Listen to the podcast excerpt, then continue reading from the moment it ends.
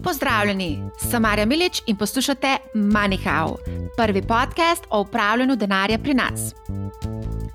V tokratnem podkastu bomo analizirali naložbene nepremičnine. Izpostavili bomo potencijalna tveganja, ki jih pogosto kot vlagatelj zanemarimo, ko se odločamo za to vrstno naložbo. O tem, da slovenci na bankah kopičijo 24 milijard evrov, čivkajo že vrabčki. In ja, to je mrtev kapital. In zdaj, ko nekatere banke uvajajo ležarine, marsikdo špekulira, da se bo del teh prihrankov prelil v različne naložbe. Predvidevamo pa, da večina, ki ima več deset tisoč evrov na bankah, ni naklonjena tveganim naložbam, kot so recimo delnice. Vseeno pa bodo verjetno nekateri iskali alternative depozitu. In pogosto, ko preigravajo različne scenarije, je prva naložba, ki jim pade na misel, nepremičnina. Zanimanje za to vrstno investicijo dodatno stimulirajo tudi nizke obrestne mere za najem stanovanjskih posojil. Večina investitorjev namreč kupuje to vrstno naložbo z vzvodom, torej s kreditom. Čeprav se marsikdo predstavlja, da z naložbo v nepremičnino praktično ne moremo izgubiti, saj nam konec koncev vedno ostane opeka v roki, pa vendar lahko naredimo ogromno napak, ki nas lahko stanejo precej denarja. Glavni razlog je ta, da kot investitor že v samem štartu ne naredimo domače naloge, torej ne izdelamo različnih scenarijev in pripravimo celovite analize smiselnosti naložbe. O tem, kaj moramo vedeti, ko kupujemo naložbeno nepremičnino in kakšne so pogoste napake vlagateljev, se bom pogovarjala z ocenjevalcem vrednosti nepremičnin in mojim kolegom Andražem Briljem, sicer pa partnerjem v podjetju Capital Genetics, kjer sem tudi sama zaposlena. Zdravo, Andraž. Živijo, Marja. Preden greva v akcijo, bi rada na kratko predstavila trenutno situacijo na trgu nepremičnin. Seveda me pa lahko tudi dopolniš.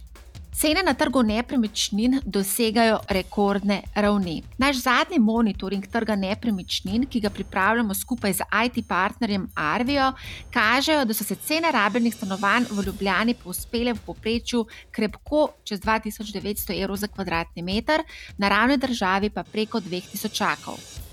Nekateri napovedujejo nadaljno rast cen. V Ljubljani ne bi cene rabljenih stanovanj preskočile magično mejo 3000 čakov.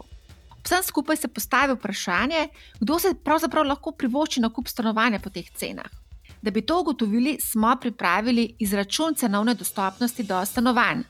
Ta je pokazal, da si povprečen slovenec ne more privoščiti povprečno veliko rabljeno stanovanje po trenutnih cenah, kaj šele novo gradnje. Ko smo izračune objavili na našem blogu in na družbenih omrežjih, si je samo to objavo pogledalo skoraj 20 tisoč ljudi. Prejeli smo tudi nekaj zelo zanimivih komentarjev in sicer, da si v mestih stanovanja tako ali tako lahko privoščijo le bolj premožni in pa vlagatelji.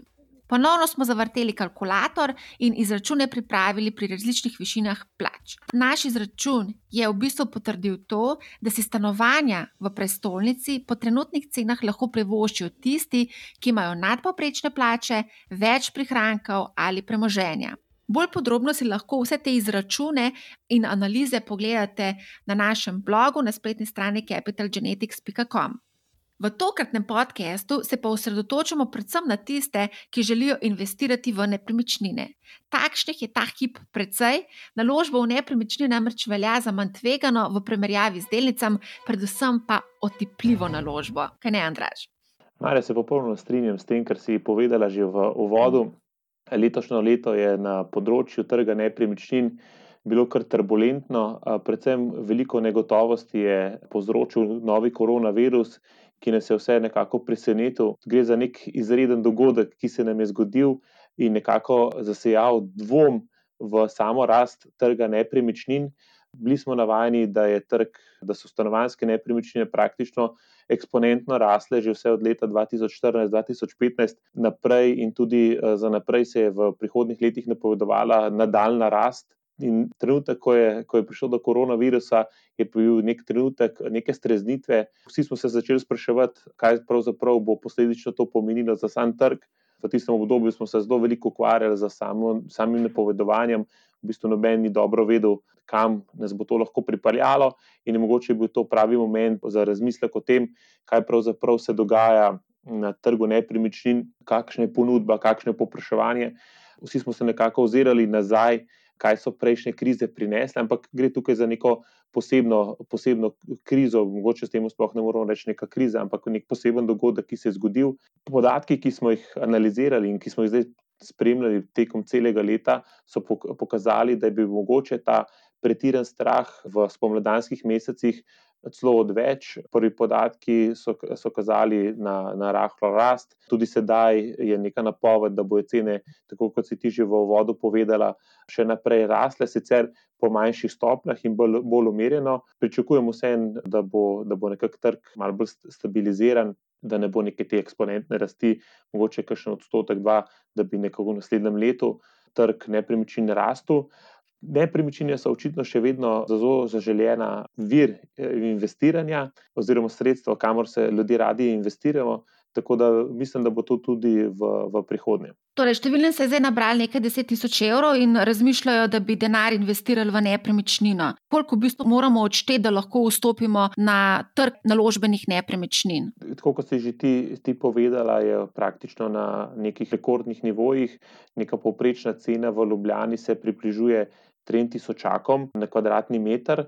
Če pa govorimo o novogradnjah, pa bi lahko rekli, da novogradnje praktično pod 3500 evri na kvadratni meter ne moremo dobiti v Ljubljani. Tako da tukaj se gibljajo neke cene, kjer ljudje investirajo. Je pa mogoče res tudi, da ne, same najemnine niso sledile tem skokoviti rasti cen nepremičnin, tako da tukaj se potem že poraja vprašanje glede same donosnosti te naložbe v nepremičnino pri teh cenah. Naš monitor je posebej pokazal, da so cene manjših stanovanj, zlasti garsonjer, ki so med vlagatelji bolj privlačne, da so upadle za nekaj odstotkov. Tako je. Garsonjere in manjša stanovanja so bile zelo popularna v zadnjih letih, predvsem zaradi kratkoročnega oddajanja ponudnikom Bookinga in Airbnb-a. Ljudje so to na veliko kupovali, saj so si obetali zelo visoke donose. Sedaj, seveda, za, za to negotovost v turizmu pričakuje se, da bo to ukrevanje turizmu trajalo vsaj tam nekje od 3 do 5 let, da bi se nekako povrnili na neke te nivoje, oziroma tudi nekaj dvoma je tudi še zasejanega, ali bo to trajalo še dlje so se ljudje stano mogoče odločili, da pač to verjetno ni tako dobra naložba, oziroma bojo dalj časa rabili, da bojo začeli dobivati neke donose. Zato smo mogoče zaznali malo več prodajnega pritiska na, na tem segmentu. Po drugi strani so bila manjša stanovanja vedno bolj privlačna za samo, za samo naložbo, ker so, je celo skupna vrednost uh, nakupa take nepremičnine, seveda, nižja in si lahko več ljudi privoščilo. Se pravi, tiste presežke, ki so jih imeli nekje okrog 100 tisoč evrov, je bilo ponadi že zadovolj, da so kupili neko garsonjero ali eno sobno stanovanje. Zato je bil ta eh, segment stanovanj vedno bolj priljubljen pri samih vlagateljih. Ja, pri nepremičninah je pa v bistvu najbolj pomembna lokacija, in preden investiraš, verjetno trikrat premisliš o lokaciji. Katere lokacije so v bistvu najbolj zanimive za investitorje? Večkrat se je pokazalo, da je lahko investicija v nepremičnino izven Ljubljane bolj donosna, ampak hkrati se pa postavlja v bistvu vprašanje, ali bom res kupila naložbeno stanovanje, recimo v Murski soboti, če živim na drugem koncu Slovenije vedno pri, pri nepremičninah, vedno vsi podarjajo uh, tri dejavnike, ki so najbolj pomembni: to je lokacija, lokacija in lokacija. Sigurno je lokacija tista, ki zagotavlja nepremičnini neko stabilno vrednost, uh, neko mogoče tudi rast in pa predvsem likvidnost same, same naložbe. Seveda so po nekaterih izračunih trenutno, glede na samo nakupno ceno in pa višino najemnine, celo nekatere lokacije bolj donosne kot naprimer Ljubljana. Ena takih je sigurno recimo Maribor, kjer najemnine dosega v bistvu Maribor relativno visoke najemnine. Po drugi strani pa je nabavna vrednost na kvadratni meter, pa nabavna vrednost stanovanja relativno uh, nizka, kar posledično pomeni tudi višji donos. Ampak tukaj se je predvsem treba vprašati v nekem daljšem časovnem obdobju, kaj to pomeni. Predvsem, če neka sredstva potrebujete hitro in je treba tako stanovanje tudi prodati, tam se lahko pojavi ta problem likvidnosti in potem posledično hitrejše prodaje in nekih diskontov. Ko govorimo o Mariboru, je zanimivo to, da ta indeks cenovne dostopnosti, ko smo računali, je pokazal, da si s poprečno plačo lahko tomu v bistvu normalno privoščimo tudi poprečno veliko stanovanje. Ko govoriš o lokaciji kot pomembnem faktorju, ko izbiramo naložbeno nepremičnino, jaz bi tukaj izpostavila, da je pomembno tudi, da vemo, kje so najemniki. Težava pri tem je pa to, da kot vlagatelji imamo zelo malo kakovostnih informacij o najemnem trgu na voljo. To pa je ključ logično, ko se odločamo za to vrstno investicijo, da vemo, komu bomo stanovanje oddali. Drži. Ja. Naš nepremičninski trg je, kar se tiče podatkovnih baz, zelo transparenten. Praktično vemo podatke o vseh eh, nepremičninskih transakcijah ali pa večini nepremičninskih transakcij, ki se zgodijo na območju Slovenije. Po drugi strani pa so te informacije o najemnem trgu relativno skope, oziroma niso, eh, niso do, jih ni dovolj. Zakon je tukaj sicer zapoveduje, da je potrebno te najemne podatke sporočiti, ampak veliko najemnikov tega ne počne in je tudi, dosti je tudi sivega trga. Tako da v bistvu dejanskih nekih podatkov o najemninah ni, se, se pa približno ve, kje, kje bi mogli te najemnine biti. Mogoče, kar se tiče najemnin, lahko še dodava to, da prazna stanovanja je v bistvu najdražja investicija. Preden nadaljujeva debato o najemnikih in najemninah, bi pa vseeno mogoče se dotaknila še mikrolokacij. Kaj se ti zdi, da je tukaj najbolj pomembno? No, predvsem, ko, ko zbiramo neko naložbeno nepremičnino, je to ponovadi nek dolgoročni vidik, ki ga je treba tudi, kar se tiče same nepremičnine, pogledati. Treba je pogledati, v kakšnem okolju se nahaja, nahaja ta nepremičnina.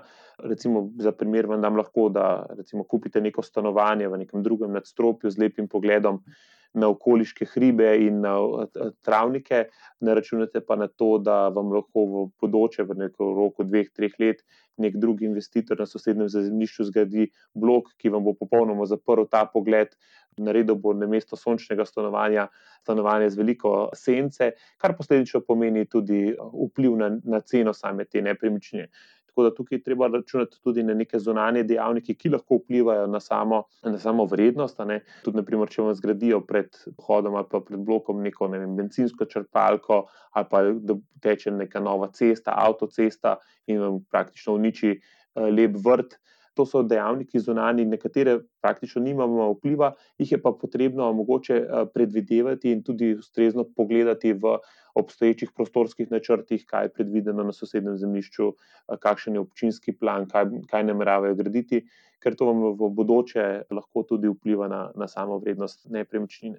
Ko govoriš o teh zunanjih dejavnikih, na katere nimamo vpliva, moramo tudi omeniti, seveda, naravne nesreče, potrese, recimo, so bili aktualni v zadnjem času.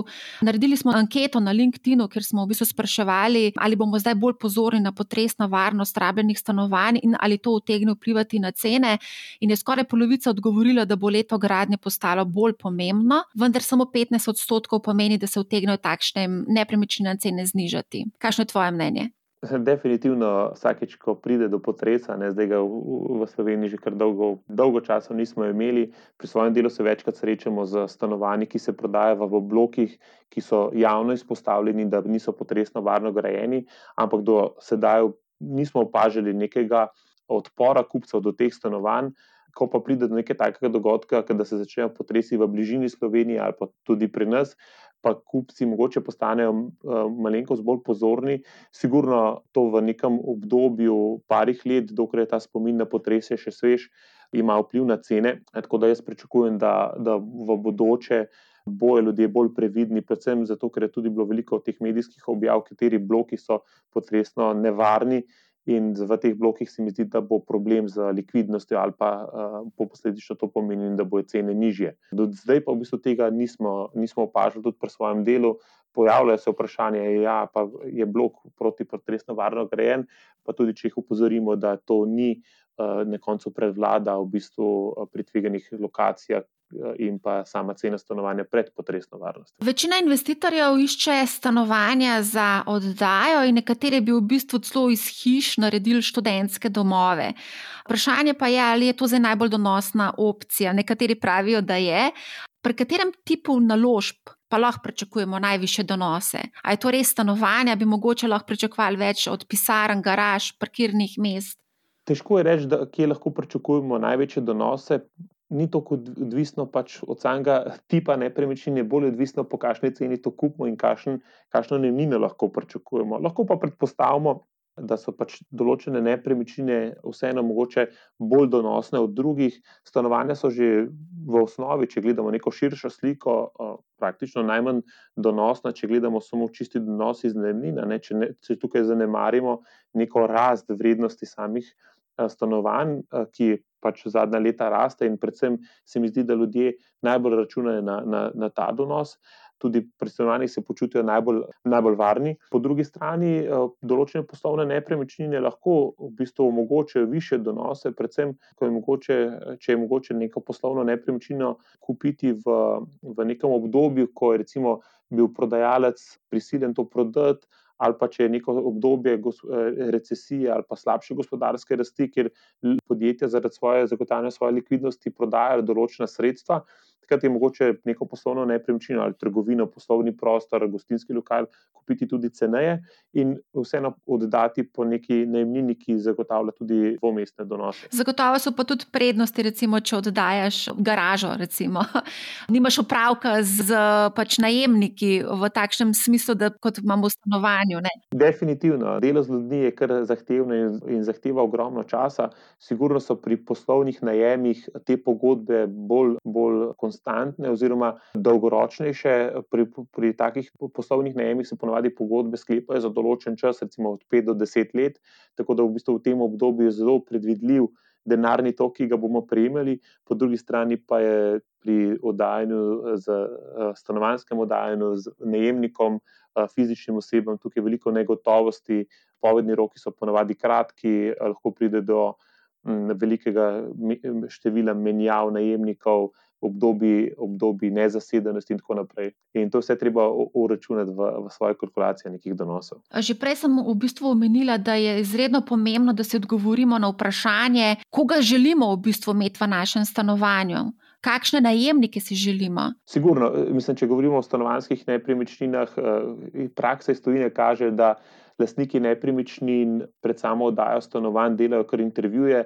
bodoči najemniki se morajo predstaviti, morajo poslati svoje CV-je, uh, življenjepis, kom živijo, na kakšen način živijo, in tako naprej. Pač, ker je ponudbe malo, si to najemodajalci lahko privoščijo.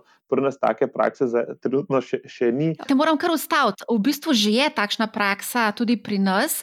Ena moja soseda je imela tako izkušnjo, je najela stanovanje v moji bližini, v centru Ljubljana, kjer živim. Šla je skozi celotni postopek predstavitve, kdo je, kaj počne, tudi mogla je pač povedati, kje je zaposlena. Tako da je v bistvu že to pri nas. Je pa res, da ne vem, kaj se dogaja z najemnimi stanovanji. Zdaj, korona kriza je v bistvu tudi nekatera ta stanovanja, ki so se prej oddajala prek Airbnb in Bookinga, se pravi, se zdaj ponujajo na trgu za dolgoročnejši najem. Tako da verjetno je sedaj več ponudbe, kot je bilo takrat. Sigurno. Ugotovili so, da enostavno teh stanovanj, ki so se prej oddajali za kratkoročni najem, trenutno ne morejo dati turistom, zato so začeli eh, lastniki stanovanj, zato da stanovanja niso bila prazna, te stanovanja ponuditi na trgu. Prvo, ker noben je vedel, koliko časa bo vse skupaj trajalo, so ponujali neke najeme za 3, 4, 5 mesecev, zdaj pa v bistvu se ne večina, ampak nekaj najemnikov, nemodajalcev že odloča, da ta stanovanja dajo tudi za daljše časovno obdobje, ker enostavno tudi naj, sami najemniki se ne želijo pač biti v najemu dva, tri mesece in s tem imeti neko negotovost. Tako da, sigurno so te stanovanja sedaj na trgu, vsi se sprašujemo, koliko časa bo v bistvu ta situacija še trajala, tako lastniki, lastniki stanovanj, kot sami najemniki. Tako da, pojavljajo se te stvari in tudi oddajajo se za te stanovanja, tudi za dolgoročnejše najeme. A mogoče tukaj lahko omenjava tudi izkušnjo naše sodelavke, ki je iskala najemno stanovanje. Povedala nam je, da številni najemodajalci, ki so prej oddajali na kratko, zdaj oddajajo zgolj do maja, ker nekako pričakujejo naval turistov od maja dalje. Po svoje logično, ne, ker enostavno so bili prihodki strani oddaje na kratkoročnih najemov bistveno višji kot neko dolgoročni najem, tako da ne želijo zamuditi ponovnega vstopa na ta divji vlak kratkoročnih najemov, zato je od njih pričakovati, da ne bojo želeli uh, dati nekih dolgoročnejših pogodb. Treba je tudi povdariti, no, da, da je ta najemniški trg v, v Sloveniji in predvsem tudi v Ljubljani uh, zelo podhranjen, nimamo nekega. Nemškega trga stanovanj za nek dolgoročnejši najem. Stvari se počasi spreminjajo, mogoče na bolje. Zdaj, stanovanjski sklad, mestna občina bojo v letošnjem letu že ponudili kar precej teh stanovanj za dolgoročne najeme, kar zna mogoče vplivati tudi na sam trg. Tudi nekaj zasebnih investitorjev se že odloča za gradnjo objektov z namenom oddajanja za dolgoročnejše stanovanske najeme. Tako da ta trg se počasi v Sloveniji vzpostavlja in se bo ločil ne, na stanovanje, ki so namenjena za kratkoročne, se pravi Airbnb, Booking, in pa za tiste stanovanja, ki so namenjene dolgotrajnejšim najemom za družine, ki se ne odločajo za same nakupe stanovanj, ampak se raje želijo stanovanje najeti za neko življenjsko obdobje. Ampak z vidika same donosnosti investicije je v bistvu pomembno vprašanje, kakšno ročnost najemnih pogodb bomo imeli. Več najemnikov se menja, več stroškov imamo za vzdrževanjem stanovanja, vsak strošek nam pa znižuje donosnost, konc koncev. Tako je. Stvar, je, kar opažam, je to, da se te stanovanja, ki se sedaj gradijo za nek dolgoročnejši najem, predvsem to eh, gradijo investitorji, kjer je njihova nabavna vrednost eh, nižja, kot če bi te stanovanja kupovali na trgu, tako že tukaj v bistvu vstopajo z nižjimi vstopnimi stroški. V samo, v samo naložbo, po drugi strani pa bodo sigurno zahtevali uh, dolgoročnejše pogodbe, s katerimi bodo lahko lažje planirali neke denarne tokove v prihodnosti, in v bistvu bo to povezano, kot si že ti rekla, tudi z nekimi manjšimi stroški, ker treba je vedeti, ne, da v vsaki menjavi najemnika stanovanje ponavadi ostane vsaj nekaj časa prazno in je to nek mrtvi eh, tok.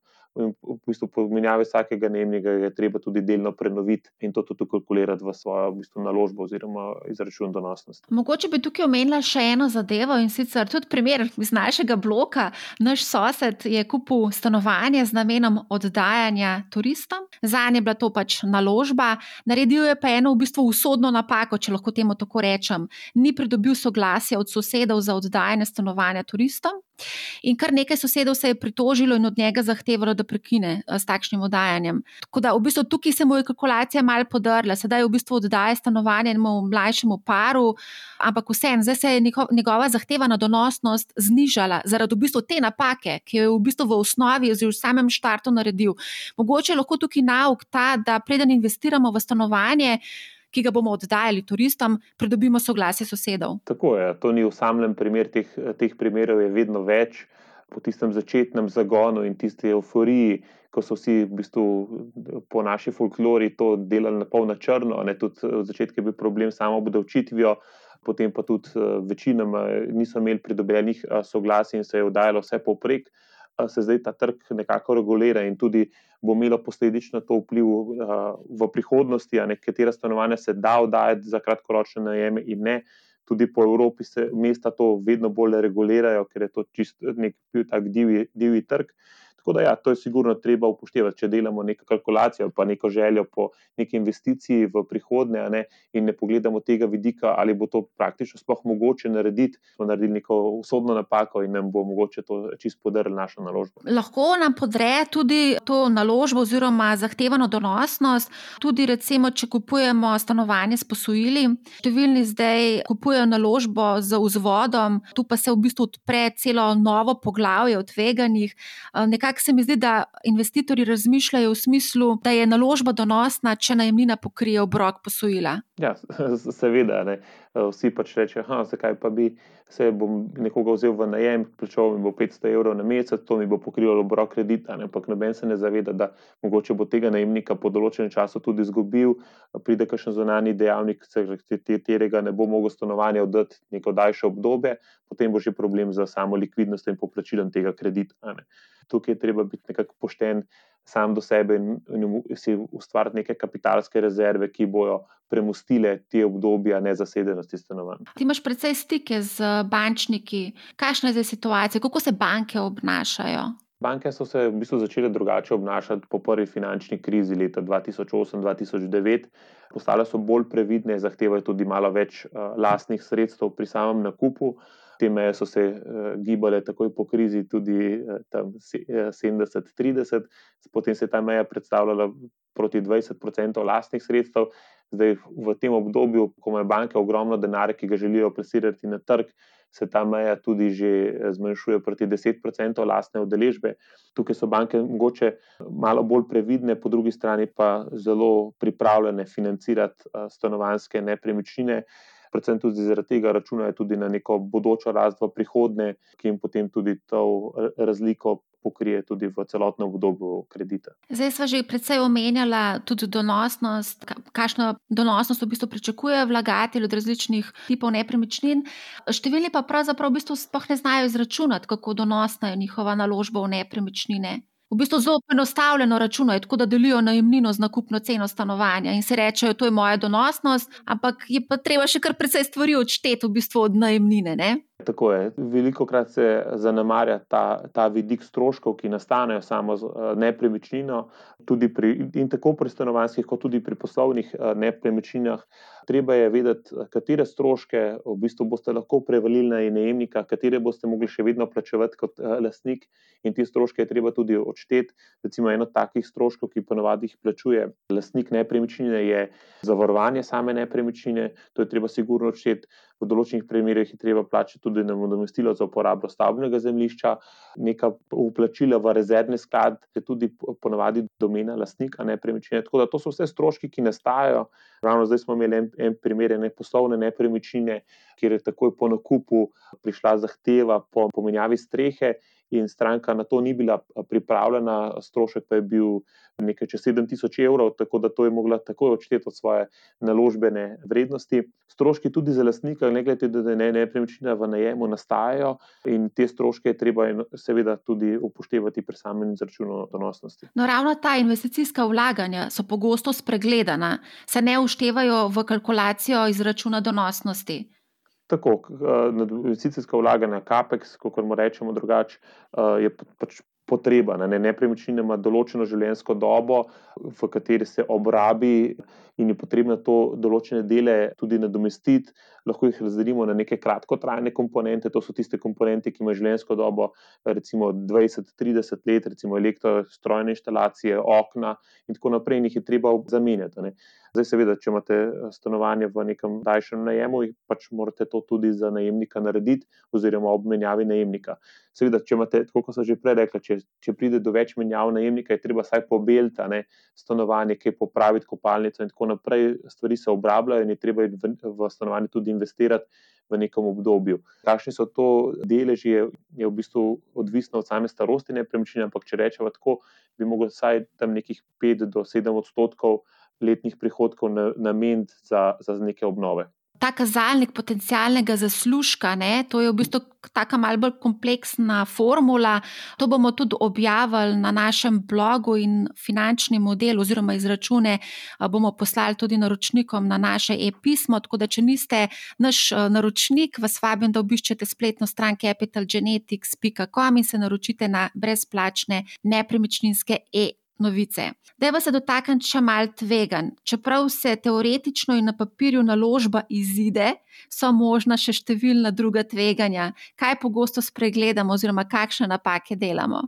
Ja, predvsem tveganja pri nakupu nepremičnine, seveda, obstajajo. Ko govorimo, da je pač nepremičnina najbolj netvegana naložba, pa obstajajo določena pravno-formalna tveganja.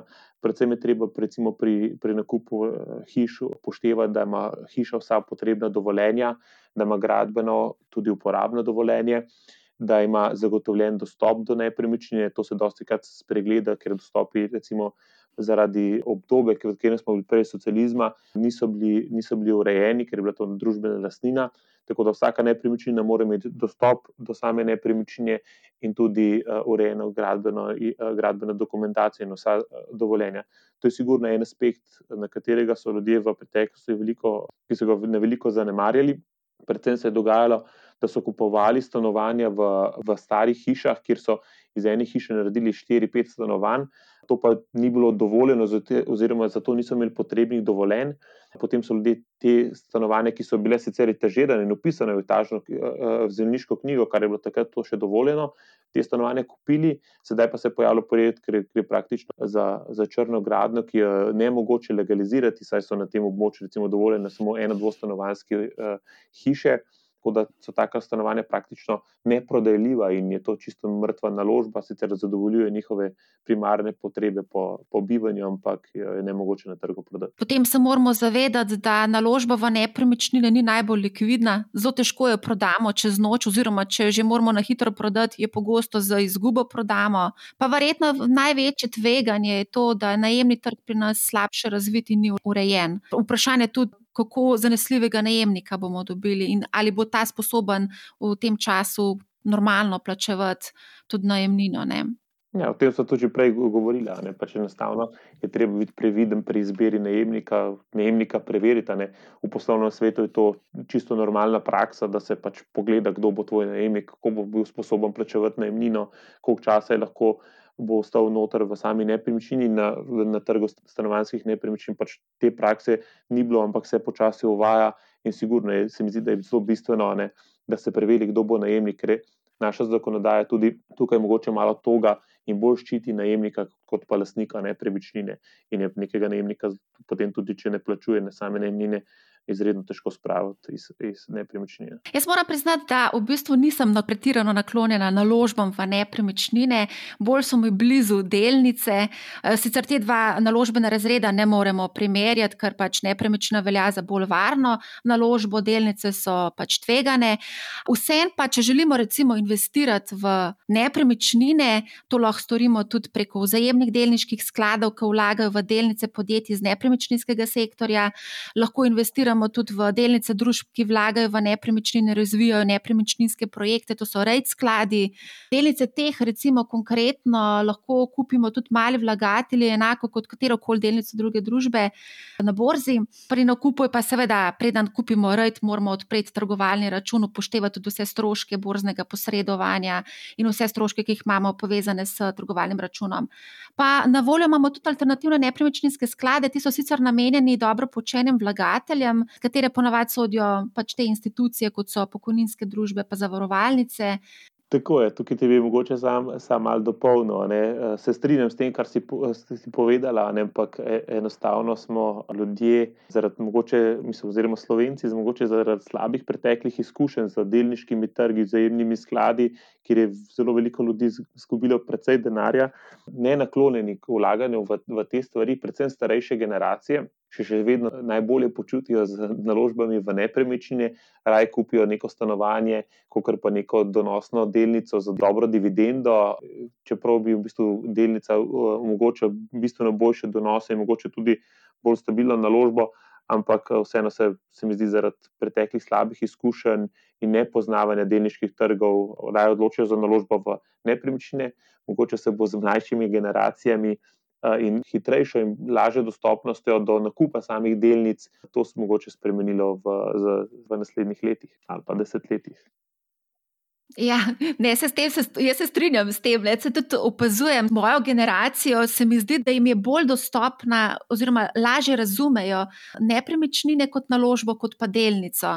S tem pa tudi se mi zdi, da se pojavlja zanimivo vprašanje, Nekako prepričanje je, da ustvarjamo pasivne dohodke z najemninami, ampak imaš kar nekaj dela za to, da lahko oddaš stanovanje. Moraš poskrbeti za vzdrževanje nepremičnine, za nek odnos z najemnikom. Medtem ko pri dividendah, ki so v bistvu na nek način najemnine, v bistvu tega nimaš in dejansko dividende predstavljajo lahko pasivni dohodek. Seveda, tam eh, pri dividendah nekdo drug upravlja tvoje delo, ti samo spremljaš, kako se gibajo tečaji in v bistvu eh, prijemaš dividendo vsako leto, točno določeno datumu. Pri nepremičninah je bistveno več dela z tem upravljanjem tega. Če imate dobro, še imate eno nepremičnino, je mogoče to obladljivo, čim je večje število tega, je, je to praktično lahko tere kot eh, celotna okupacija za čez cel dan. Vedno se nekaj dogaja na tem, na tem trgu. Je pa mogoče še to za poudariti, da v bistvu nepremičnina, investicija v fizično nepremičnino, v bistvu zahteva veliko začetnega kapitala.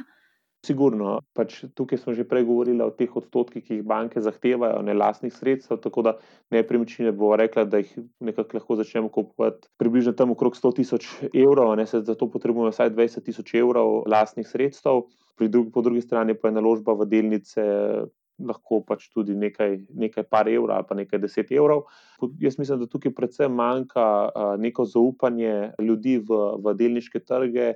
In predvsem tudi izobraževanje na področju vlaganja v delniške trge. Enostavno ljudje nimajo zaupanja v, v neke institucije, ki se trenutno ponujajo te, te storitve, in se zato tudi manj rade odločajo, ker po mojih izkušnjah vsi vidijo, sam, kako jih bodo te institucije nekako obrale za neke provizije. Po drugi strani pa mogoče tudi, že, kot se je rekla, pri, pri mlajših generacijah, pri otrocih, potrebno finančno opismenjevanje in izobraževanje na tem področju, da bo razumeli, kaj je naložba v delnice. Tako dob, vsaj tako dobro, kot razumejo sedaj, kaj je naložba v nepremičnine. Ampak, ko gledava portfelje kakšnega pač slovenca, ki investira predvsem v nepremičnine, je tukaj velika izpostavljenost eni naložbi, se pravi nepremičnini.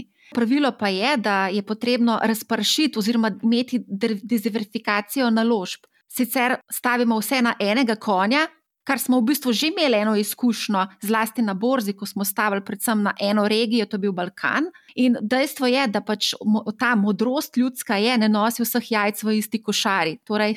Ja, samo, samo se mi zdi, da ljudje ne povezujejo nepremičnine z, z pojmom tveganja. Ne? Ljudje ne vidijo pač nekih tveganj v, v sami naložbi v nepremičnino, vidijo to kot nek ohranjevalec vrednosti, oziroma da bodo te pač cene rasle v, v nedogled. Mislim, da tukaj ni sploh vprašanje, ali tukaj zdaj sprejemajo neka tveganja ali ne, ne? kot recimo v delnicah. Mislim, da je to za večino ljudi praktično 100-odstotna naložba v njihovih mislih. Okay. Mislim, da smo veliko povedali o naložbenih nepremičninah. Andraš, najlepša hvala, da si sodeloval pri tem podkastu. Marja, tudi tebe hvala. Mislim, da so nepremičnine izredno zanimiva tema in da bomo imeli še veliko krat možnost klepetati in tudi obravnavati različne teme na področju nepremičnin. Se strinjam, veliko bomo pisali o tem tudi na našem blogu, tako da se naročite na naš brezplačni nepremičninski newsletter. Če vam je bil ta podcast všeč, se naročite na njega, pripravljamo kar nekaj zanimivih tematik. Želim vam lep dan in ne pozabite, denar ne dela za vas in ne vi za denar. Lep pozdrav!